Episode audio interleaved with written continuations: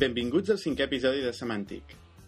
Avui venim amb molts temes, com sempre, però aquesta setmana especialment, perquè ha sigut la RailsConf la setmana passada, fa poc, fa dos o tres dies acabat, i, i, bueno, i el dilluns va ser la, la Worldwide Developer Conference d'Apple, on es va presentar l'iPhone 4, com segurament tothom haurà sentit, perquè si algú té aquesta conferència és que s'ha convertit en un event més de màrqueting que de developers i generalment es presenten tots els productes, surt l'Steve Jobs, fa la seva presentació i bé, ara en parlarem. Tenim aquí el Jordi Hola, bon dia. i el, i el Masumi, Hola, bon dia. que estem tots tots separats, cadascú ca- a casa seva, avui.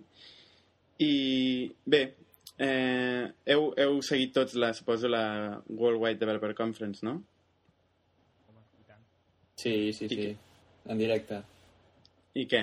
Què, què us ha Jo semblat? en directe no, jo he de dir que m'espero fins que publiquen el vídeo per veure-ho. Com... Jo, jo vaig llegir, bueno, jo en directe vaig, vaig anar llegint el que escrivia la gent que hi havia dins, és el que faig sempre, i després quan surt el vídeo en al- alta qualitat el torno a mirar per si s'havien deixat alguna cosa. Bueno, realment és, és increïble la, la quantitat de seguiment que pot arribar a tenir aquesta conferència. De fet, la gent paga una barbaritat per estar allà. El, en, si està la presentació de l'Steve Jobs, em sembla que, que costa, no sé, 2.000 dòlars o alguna així, no? Sí, Sí, val són... Més o menys uns 2.000 dòlars, però és un passi per tota la...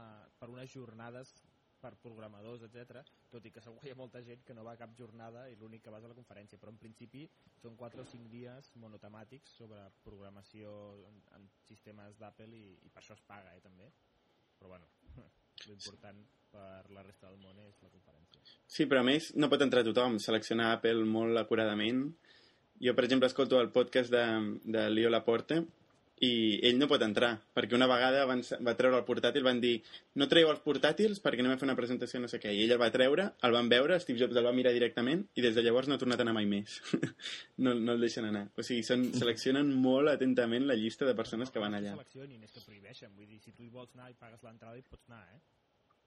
El, el problema és si després tu els hi fas alguna botadeta, pues, eh, t'apuntaran a la llista. Però s'acaben de seguir les entrades, no?, per lo que això, és un altre tema, sembla un concert de U2 o alguna cosa així. Sí, sí, una cosa.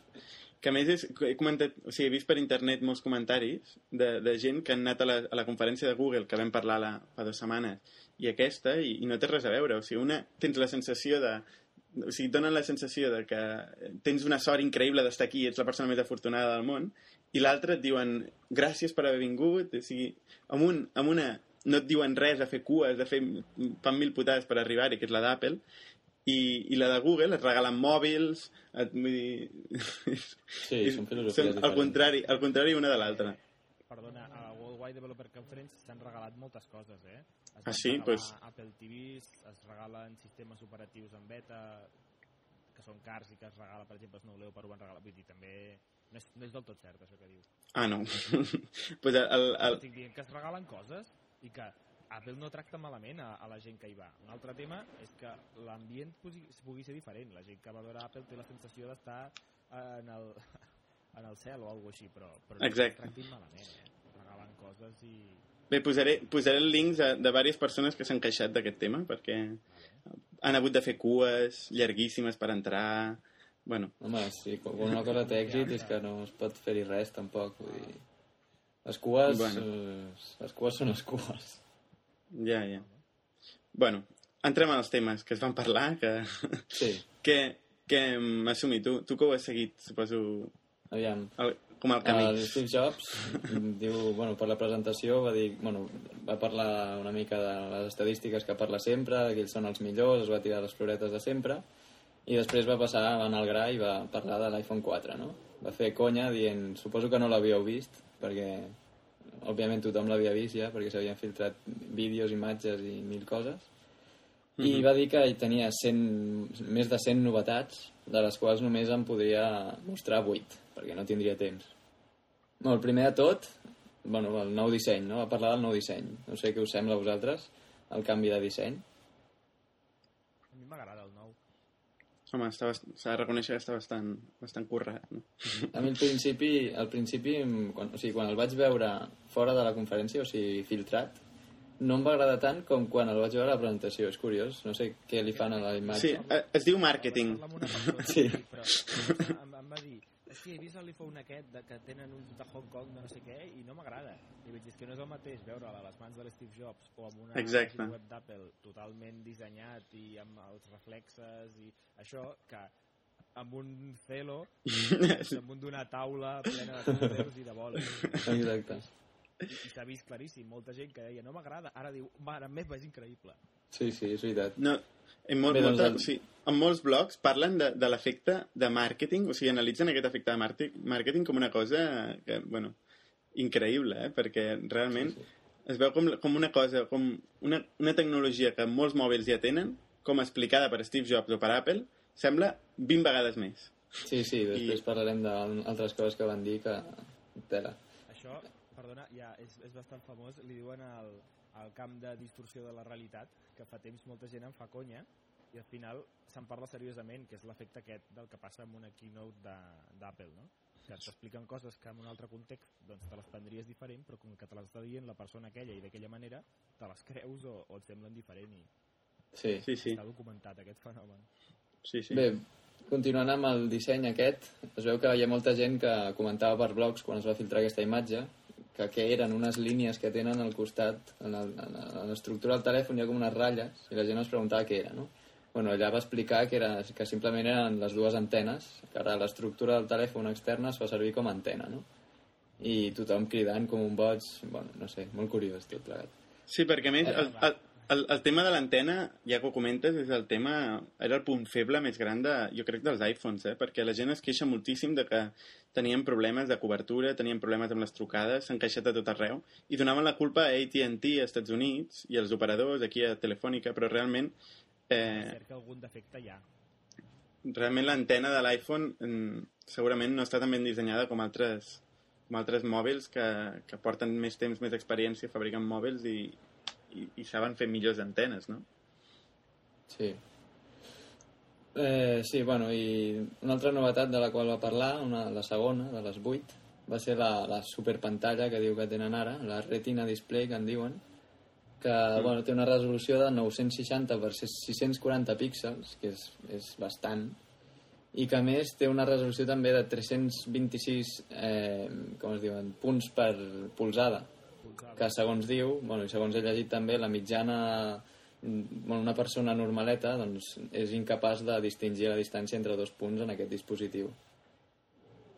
Eh, bueno, diuen que aquesta... Que té, té quatre vegades la resolució de l'iPhone antic amb la mateixa mida de polzades, vull dir, té quatre vegades el número de píxels.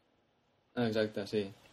Sí, sobre, I aquest, bueno- tema, sobre aquest tema vaig llegir un, un article d'un tal Ra Raymond Soneira, que és el president de DisplayMate Technologies, i que és, bueno, és un científic que ha estat estudiant molt el, temes de, de, de pantalles i tal, i també de l'ull humà, durant molt de temps, i diu que tot el que deia Steve Jobs era completament una alteració de la realitat, que realment no la resolució... Perquè ell- l'Steve Jobs va dir que tenia més resolució que l'ull humà. I diu que això és una... Sí, va dir això. Va dir que tenia més resolució del que l'ull humà pot percebre en aquella distància. No és ben bé la mateix, la frase. Sí, jo vaig veure Mm. també un, vaig veure una, una, un blog que parlava d'això. Vaig veure un blog que parlava d'això i deia que aquest que has mencionat tu, Bernat, Sí. havia dit que era fals perquè l'ull humà era capaç de percebre quat- 400 no sé què bueno, punts per, per polzada. Però clar, després hi havia un estudi que deia que la mitjana, o sigui, aquest 400 i pico és una persona amb la vista perfecta que no li passa res. Llavors que la mitjana de gent estava sobre el 300 i pico que havia dit l'Steve Jobs. I que, clar, l'Steve Jobs parlava com de l'ull humà en general i quan en realitat hi havia persones que sí que segurament veurien aquest, aquesta diferència però que la mitjana de gent no se n'adonaria. Llavors, clar, era pseudofals, el que deia. Ja, bueno, jo no tinc un PhD en física teòrica com aquest home, però, però ficaré el link, perquè a més he vist, he vist diversos articles que també han comentat que aquest terme era, era molt poc apropiat, el tema de retina display, que és com es diu aquesta, pan... o sigui, aquesta tecnologia, no? Això és màrqueting barat. Bueno, Sí. barat o no, deu ser caríssim, però està clar que és màrqueting del seu. Ells li diuen d'una manera, et venen la moto i ja està. El que no podrem negar és que la pantalla és de puta mare.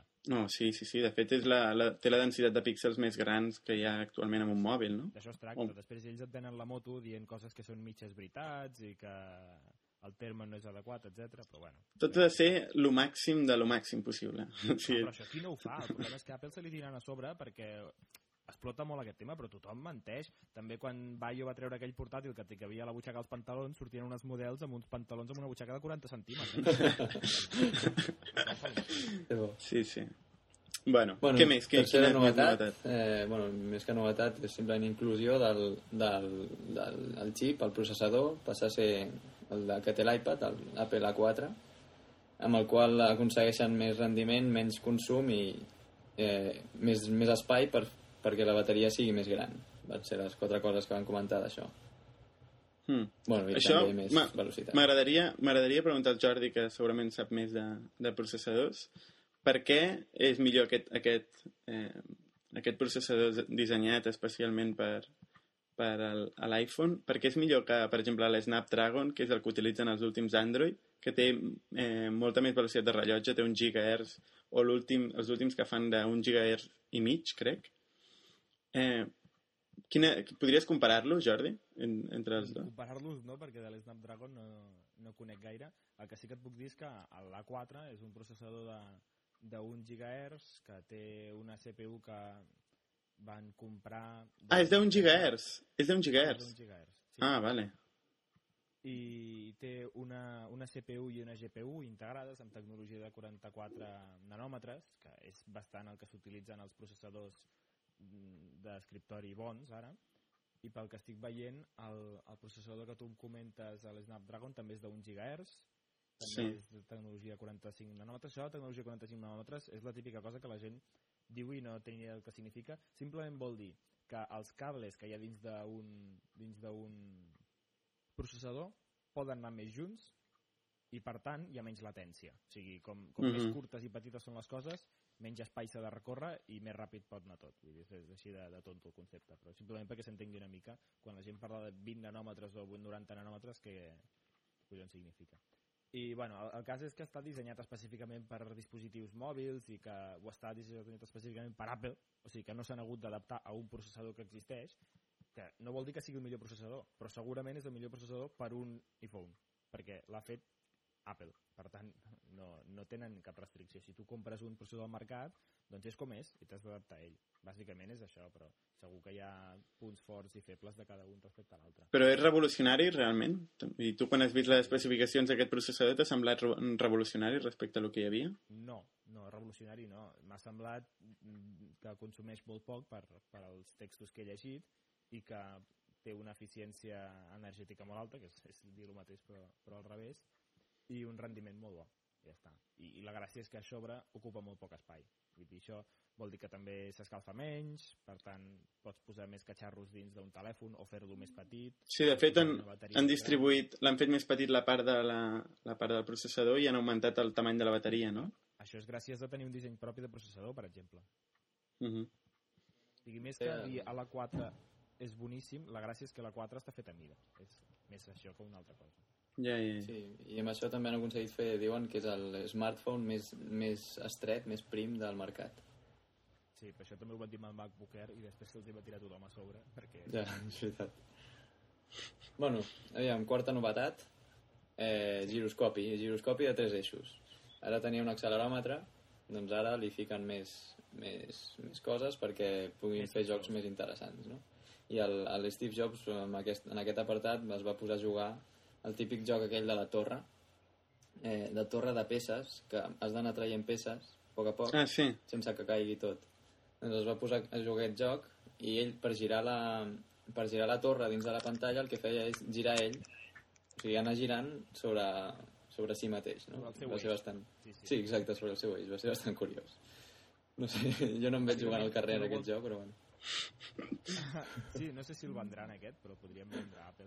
Però, Sí. o sigui, per donar-li la volta a un objecte, l'únic que fa és donar ell la volta sobre si mateix, en comptes Sí. de donar-li a una fletxa que hi ha a la pantalla. O sigui, realment no havies de tocar res, l'únic que havies de fer era anar-te movent i només tocar, evidentment, per treure les peces de fusta. Sí. Això bàsicament vol dir millors jocs. Ja està, sembla que no. Sí. No té cap altra aplicació útil, això, del giroscopi? Potser coses sensors, o sigui, d'aquests programes que portes al cotxe i et diuen la velocitat a la que estàs anant o xorrades Sí. aquestes que són més per divertir-te que una altra història. Uh -huh. Està bé, està bé. No sé. que a mi és de les que em va agradar més és que han millorat la càmera que era un, una de les, de les coses dolentes de l'iPhone era la càmera que tenia no?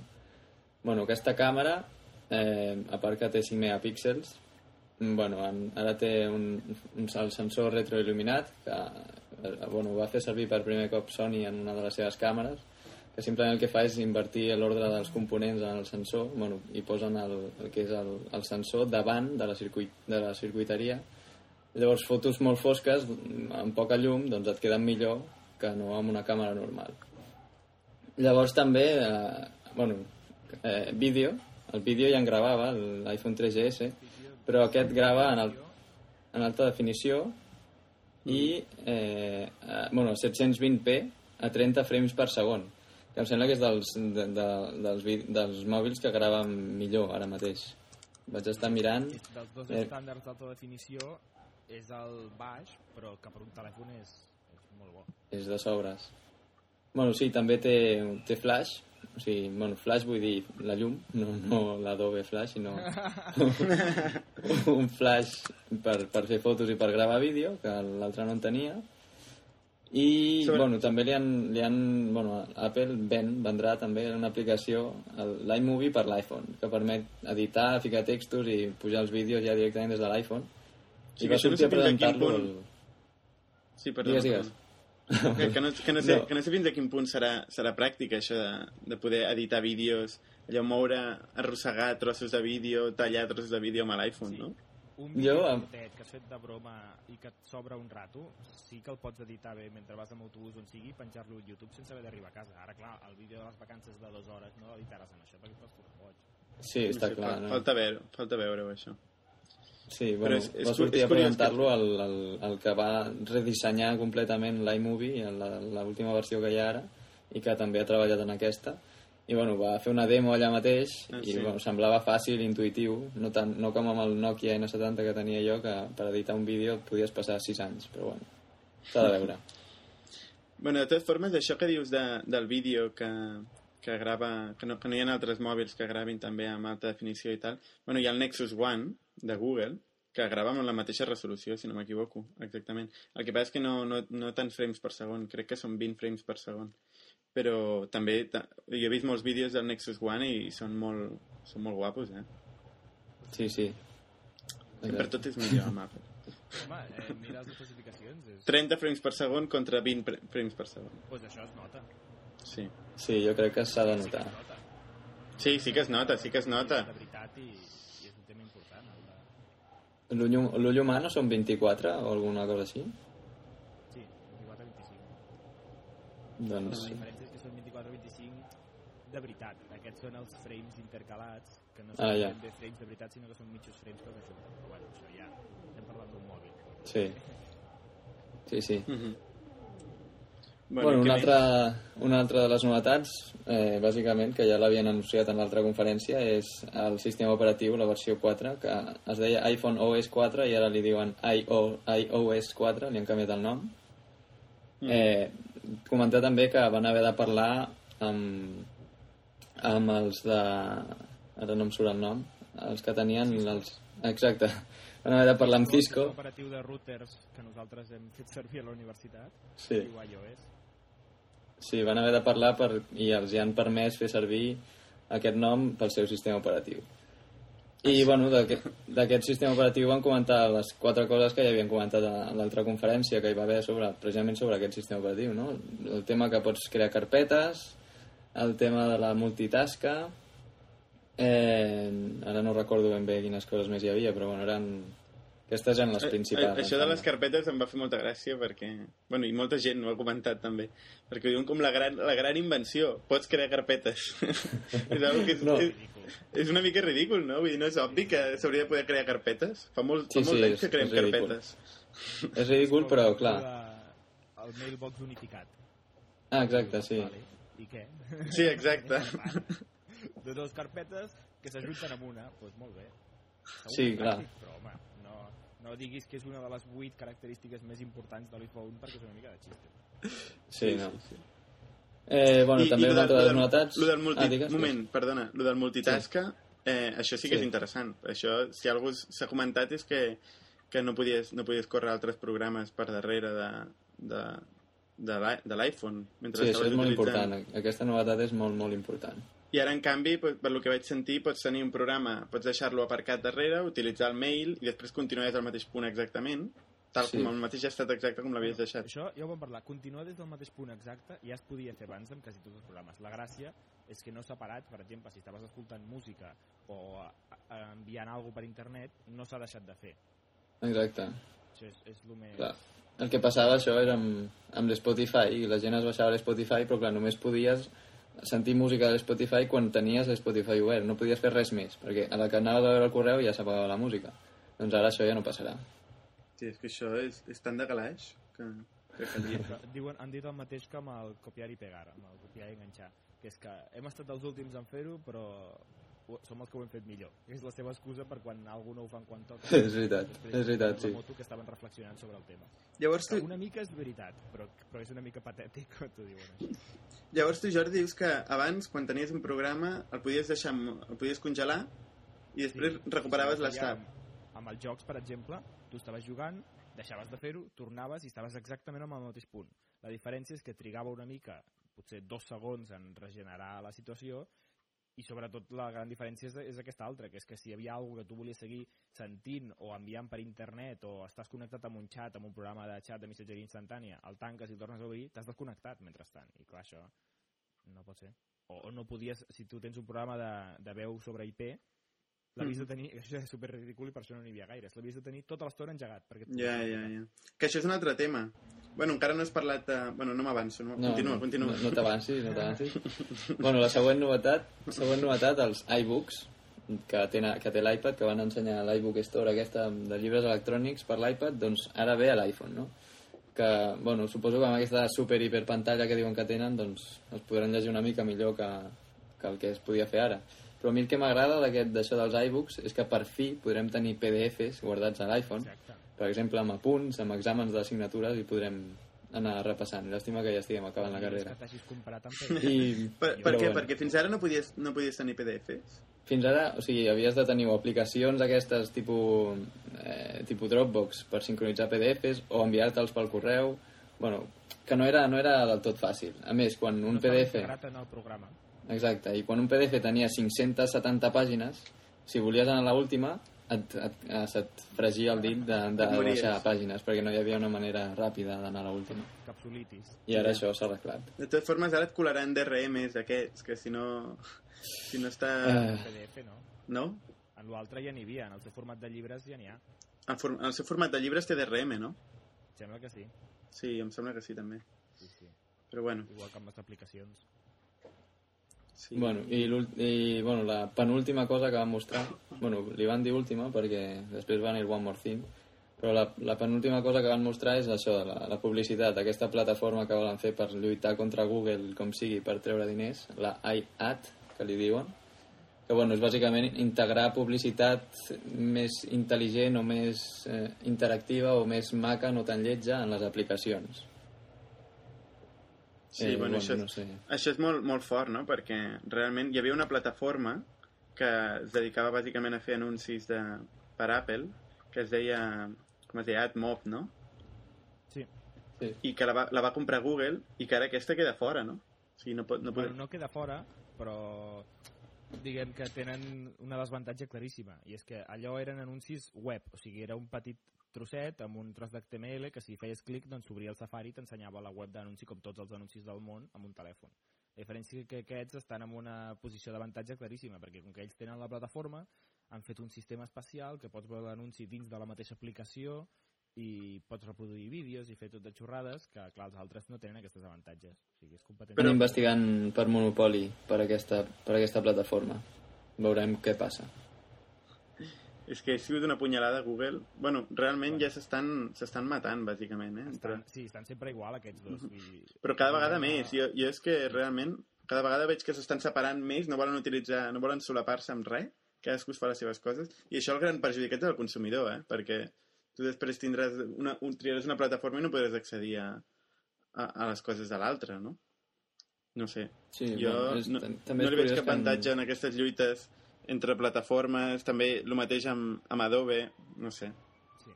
Bueno, i One More Thing, m'assumi? Sí, el One More Thing, doncs el FaceTime, que li diuen, no? O sigui, ells han venut, bueno, han, han comentat que han inventat, diguéssim, la videoconferència amb el mòbil, és curiós. Sí, És també és bàsicament l'iPhone 4 inclou una càmera frontal amb la qual, això, pots fer videoconferència, de moment només per wifi. Ho estan parlant amb les, amb les companyies telefòniques per veure que, que, a quin acord es pot arribar, però ara, de moment, doncs, tu agafes el teu iPhone 4 i, i, sí, i eh, selecciones el contacte que sigui i, i hi ha un botonet que diu FaceTime, que és com videotrucada, no? Li han dit aquest nom. I si, aquel, si l'altra persona està en una wifi i tu també, doncs el veus, bàsicament. Veus la seva cara i pots fer videotrucada. Eh, bueno, ho han venut com la gran novetat, però no sé jo... no sé si és molt novetat, no sé. Home, realment això fa temps que es podia fer, el, amb el tema del 3G es podia fer, però aquí no, no s'ha fet, no s'ha utilitzat mai. A Japó em sembla que sí, no?, que, es- que es feia videotrucades. Sí, al Japó, al Japó fa molt de... Sí, se, se n'havia fet, però jo, de fet, a, a Barcelona també n'he fet, eh? Amb l'N70. Sí. És que Podies poder fer- podies, però pagaves, pagaves més. I la qualitat del vídeo és ridícula. Sí, sí, això sí. 30 píxels per 30 píxels, una cosa que no, era impossible veure res. I la gràcia és que aquí, com que van per wifi per ara i després quan la connexió sigui més ràpida, doncs serà un vídeo més o menys seriós. Sí, bé, però si estàs connectat per wifi, eh, tens, segurament estàs a casa i tens l'ordinador amb Skype al costat, no? Ah, però has d'anar a l'ordinador i dir-li obre l'Skype, quin és el teu nom? No sé què. Aquí tu estàs parlant per telèfon, li dones un botonet i ja està fet. Sí, I clar, pots passejar per i la parles casa amb i- una, altra- i parles amb una altra persona que també té el, el mateix telèfon, no? Per començar. Ja, ja. Sí, això sí. De... Clar, home, això ho fan també segurament per aconseguir que, per exemple, parelles es comprin els dos a l'iPhone en comptes de només un. Que maco. Coses així, no? Que segur. Sí, de fet, en el vídeo promocional que posen, eh, més monya. sí, és, és, és total... O sigui, sembla... No sé què sembla, no? Però, però és realment monya i està buscat per arribar als sentiments de tothom que pugui, no? Una mare, Sí. sí. un fill, un... eh, Bueno, un bebè, el, el, el, la, la dona embarassada amb el marit a la guerra, eh, després dos sords que es comuniquen per gestos, o sigui... no, amb missió solidària. A missió solidària. No sé, no, no ho havia distingit. No, però aquest, i l'última parella que surt, que són una parella de sords que s'estan parlant amb el llenguatge de signes per amb el FaceTime, és com, fuà, això solucionarà la vida de tothom, no? És, és, és, està molt ben pensat. Jo, amb, amb aquestes conferències, mai havia arribat a pensar allò a l'Steve Jobs de dir, ala, que cutre això que acabes de fer. O sigui, l'ha cagat molts cops, ha dit parides, però que, que digui quina pena el que acabes de fer, no m'havia passat mai fins just després del FaceTime, on es va quedar així amb cara de consternat. i Sí. dir, Ara és quan me n'adono que tot el que fem serveix per alguna cosa. Però, però el pitjor de tot això és que la gent, la gent s'ho menja tot això, la gent s'ho creu tot Clar, això. home. Jo crec que el faran sant. Steve Jobs el faran sant. Home, segurament s'ho mereix més que altres, eh? però, però sí. I jo el que em pregunto d'això del, del FaceTime, a mi em semblaria realment interessant si es pogués utilitzar amb Skype.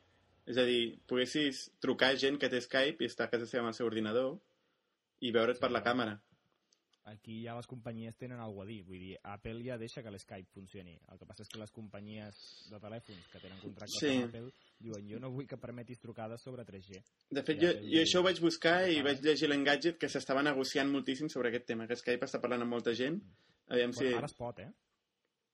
Ara, Ara mateix es pot fer trucades des, amb l'Skype d'iPhone sobre 3G. que Fins a final d'any, no? Companyies... sí, Fins a final d'any, em sembla, una cosa així, he llegit. Sí, exacte, fins a final de no sé quin mes. Sí, sí, sí. sí això, és una cosa això està molt bé. que Realment, el dia que es pugui de veritat es, es moriran les companyies perquè no farem mai cap més trucada Sí, sí, convencional. sí. Ja. Però la tarifa plana. has de pagar la tarifa plana, sí. Sí, clar, que és la mateixa empresa, vull dir, no sé per què es queixen tant. O sigui, al final sempre acabem pagant. Sí. Home, la gràcia I seria bueno, que llavors ah. podries veure't també, no? Si poguessis utilitzar aquesta Ah. tecnologia, això sí que estaria bé, realment. I bueno, comentar també que, bueno, que l'iPhone 4 arribarà a Espanya eh, al juliol amb Movistar, Vodafone i Orange. Eh, demà, ai demà, perdó, dilluns eh, anunciaran les tarifes, la majoria segurament, i Movistar en concret, que jo estic seguint Movistar, el que diuen, eh, Movistar diuen que si ja teniu un iPhone 3G o 3GS, eh, tingueu preparats el, el, els compromis, el temps que La us queda de compromís. bueno, a part d'això, Preparada la cartera. Exacte. tingueu preparada la, sí, la cartera, el compromís de dades, o sigui, quant de temps us queda de, de veu i dades, i també que tingueu a punt els punts i llavors truqueu al 1004 dilluns per preguntar en quines condicions us, us vendrien l'iPhone. Sobretot, que ningú no s'ho perdi, això, eh? que tothom truqui Demà a les 8 del matí serà el primer que a les arribi. 8 del matí. bueno, de totes formes, per fer, una mica, per fer una mica de justícia, ja que aquí s'està parlant només d'iPhone 4, i és que realment soc, soc un dels indecisos, eh? perquè realment si, si et planteges el, el telèfon a nivell tecnològic, doncs segurament ara és de lo milloret que hi ha, perquè si ha de compartir, competir amb l'Evo, que segurament és l'Android equivalent, i que està donant molts problemes de bateria, que està, molta gent s'està queixant, que es veu que la bateria no dura ni un dia, que l'has de carregar mig dia, Hòstia. i... Sí.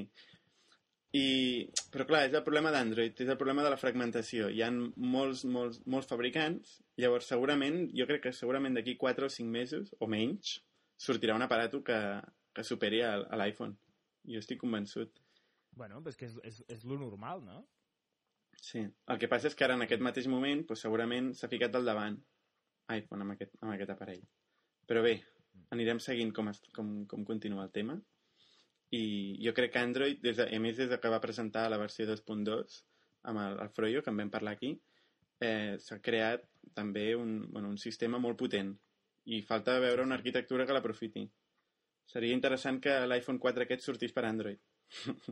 Bueno, hi ha gent que fa aquest tipus de coses, que instal·la Androids en iPhones i que intenta Sí. instal·lar iPhones en Androids i... Sí, sí, de fet, a, a, a, ja l'han aconseguit instal·lar, em sembla, en el 3GS, l'Android, l'últim Android que encara no està ni per, ni per telèfons Android, ja està en un iPhone. Funciona Sí, la meitat no, de sí que- coses, però... Sí que està per telèfons Android. No està oficial, però te'l pots instal·lar tu mateix. Ah, vale, vale. El 2.2. Home, clar, abans d'instal·lar-ho en un iPhone ho han instal·lat a, a d'altres aparells que estan preparats per això. Sí, en el Nexus One. El Nexus One s'instal·la de tot. El problema és la, la llum, la llum del sol, diuen, del Nexus One, que molta gent se l'està comprant a la universitat, he vist molta gent que el porta, però dona el sol directament es veu que no veu res. Has d'endevinar què hi ha a la pantalla. Però bé, no sé, anirem seguint el tema. I, i bé, canviem de tema ja perquè hem dedicat prou temps a, a, la, a la conferència aquesta i passem a una altra conferència que ens interessa molt, que és la RailsConf de- d'aquest any. Que, bueno, suposo, tu l'heu seguit, vosaltres? Sí. I, No m'he mirat res. bueno, ha sigut bastant interessant.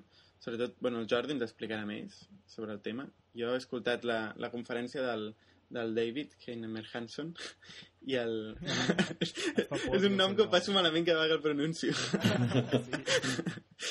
I, bueno, ha presentat una mica la, les coses que més li agraden de la nova versió de Rails, que encara no s'ha presentat. S'ha presentat la beta 4 i diuen que d'aquí poc trauran la, la, la versió, la release candidate, la versió oficial de Rails 3. Però, sí, La última preliminar. La release candidate és la última prèvia a la bona. però, bueno, el David aquest el, Sí, va parlar de, de les, les característiques més importants de Rails 3 i, bueno, ens expliques tu, Jordi, explica'ns. Com, tu has vist totes les conferències? Bueno, en aquesta... Sí, sí, jo he mirat totes menys una que no m'interessava massa el tema perquè no anava més de, de Rails Ah, sí? tampoc, sinó que era un home parlant de la seva vida. El, el del Gary sí. Vayner, Vaynerchuk. Sí, el Gary Aquest també l'he escoltat i no és- és molt interessant, Però sí, sempre és interessant sentir-lo. Sí. Sí. Bueno, parlem de Rails primer. Eh, curiosament, no va haver-hi... És el primer que van, que van dir quan van presentar el Chad Fowler, que és l'organitzador normalment d'aquestes coses, va explicar que les submissions de temes li va sorprendre que no anaven totes sobre Rails 3 i Ruby 1.9, que són canvis molt grans en, els, o sigui, en el framework i en el llenguatge que hi ha darrere. Per exemple, de Ruby 1.9 no se n'està parlant prou. És un llenguatge que trenca moltíssimes APIs de Ruby 1.8 que està dissenyat d'una manera molt diferent, amb una nova màquina virtual, amb un compilador just in time que diuen també nou, i no se n'està parlant gaire. I clar, afecta moltíssim perquè Ruby on Rails és codi Ruby i de, canvia molt si l'executa sobre 1.8 i sobre 1.9. Però bueno, no es pot parlar molt d'això. No es pot parlar moltíssim sobre Rails 3, més que res perquè l'última RailsConf ja es va parlar molt de com seria Rails 3 i en aquesta simplement s'ha parlat de com s'ha fet, però les coses ja es veien a venir com seria i, i en canvi la gent ha comentat temes de metodologies, han parlat com sempre de testing i, i coses així. Eh, el David Heinemer Hanson, com comentava Bernat, explica el, el que li ha agradat més de, dels canvis, que, bueno, són bàsicament els, els canvis més importants estructurals, que és com es defineixen les rutes, el fet de que Rails 3 sigui tot un molt més orientat a RAC, que és el, el sistema sobre el qual s'executen les aplicacions web de Ruby. bueno, és una cosa una mica complexa, però que està molt més ben estructurat. Sí, és molt més modular, no? a Un altre. I sobretot Mhm. el sistema... Totalment. Sí, sí. Tu, o sigui, tu literalment pots tenir una aplicació en Rails que acabi sense tenir res de Rails, perquè tu pots anar agafant peça per peça i dir aquesta peça no m'acaba de convèncer. La Sí, això està bé. però amb Mhm. tot, eh? no frameworks de JavaScript, que és, és molt important també, però és que amb el controlador de la base de dades, amb el controlador de les peticions web, amb el controlador de com s'emmagatzemen les, les sessions, vull dir, tu pots anar traient peces i substituint-les, i clar, això fa que sigui molt més potent per temes més serios que un blog o, o una web d'e-commerce, sinó un, realment una gran plataforma, ara és molt més fàcil fer-la amb Ruby on Rails, perquè Sí. especialitzat moltíssim més el codi.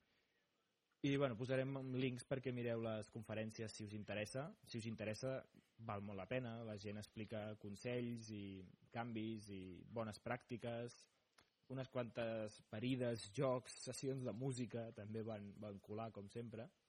I, I el que comentàvem abans amb el Bernat, l'última conferència, que va ser una de les que va tenir més èxit, tot i no tenir res a veure amb Ruby on Rails, va ser la del Gary Vaynerchuk, que és un home relacionat amb la comunitat de Rails més que res perquè és un emprenedor una mica a l'estil de 37 Signals i, i que, bueno, té una pàgina web que es diu Wine Library TV on venen vins però bueno, ell t'explica les seves Sí, experiències bàsicament digitals. representa el sueño, el somni americà.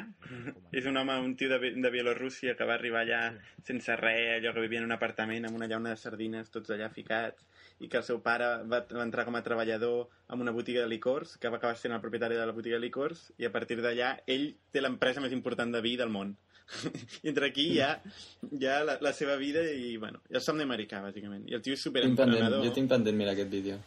Bueno, però però t'explica la seva filosofia de vida que és molt curiosa Sí, que sí, sí. fa que sigui molt interessant la Sí, sí. s'abraça amb la gent dona- Sí, perquè parla de la thank you economy, de l'economia de les gràcies, i de com s'ha d'agrair cada, cada gest particular que et fa una, una, una persona que et dona feedback sobre el teu producte o sobre, sobre, sobre el que tu fas. No? Has d'agrair particularment a cada persona.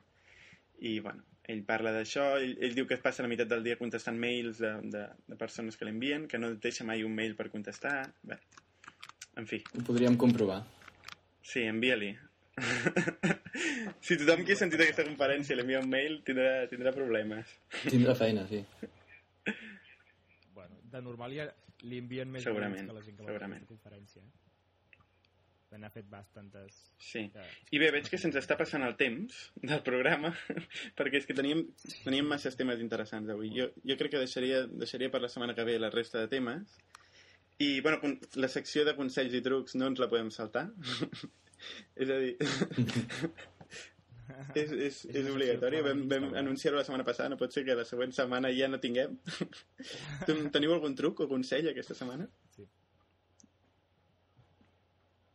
Bé, jo volia comentar una cosa que per molts administradors de sistemes serà molt trivial, però per altra gent que, com jo, s'ha convertit en administrador de sistemes per casualitat, doncs crec que és molt interessant, que és l'eina Screen, que significa monitor en anglès.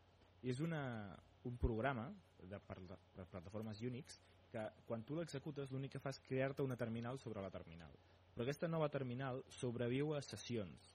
Significa que tu entres en un ordinador remot Ah, sí, sí, via sí. SSH, que és el protocol típic per accedir a la consola remota, escrius screen, eh, interactues, per exemple, deixes que una tasca es comenci a executar i de sobte o bé tanques la sessió o bé es talla per problemes de xarxa, cosa que passa molt sovint quan fas tasques, tasques de llarga durada amb servidors remots, i en un cas normal s'interrompria la, la tasca que estaves fent. Imagina que estaves actualitzant base de dades de milions de registres i perds la connexió perquè el, algú t'ha estirat el cable de xarxa.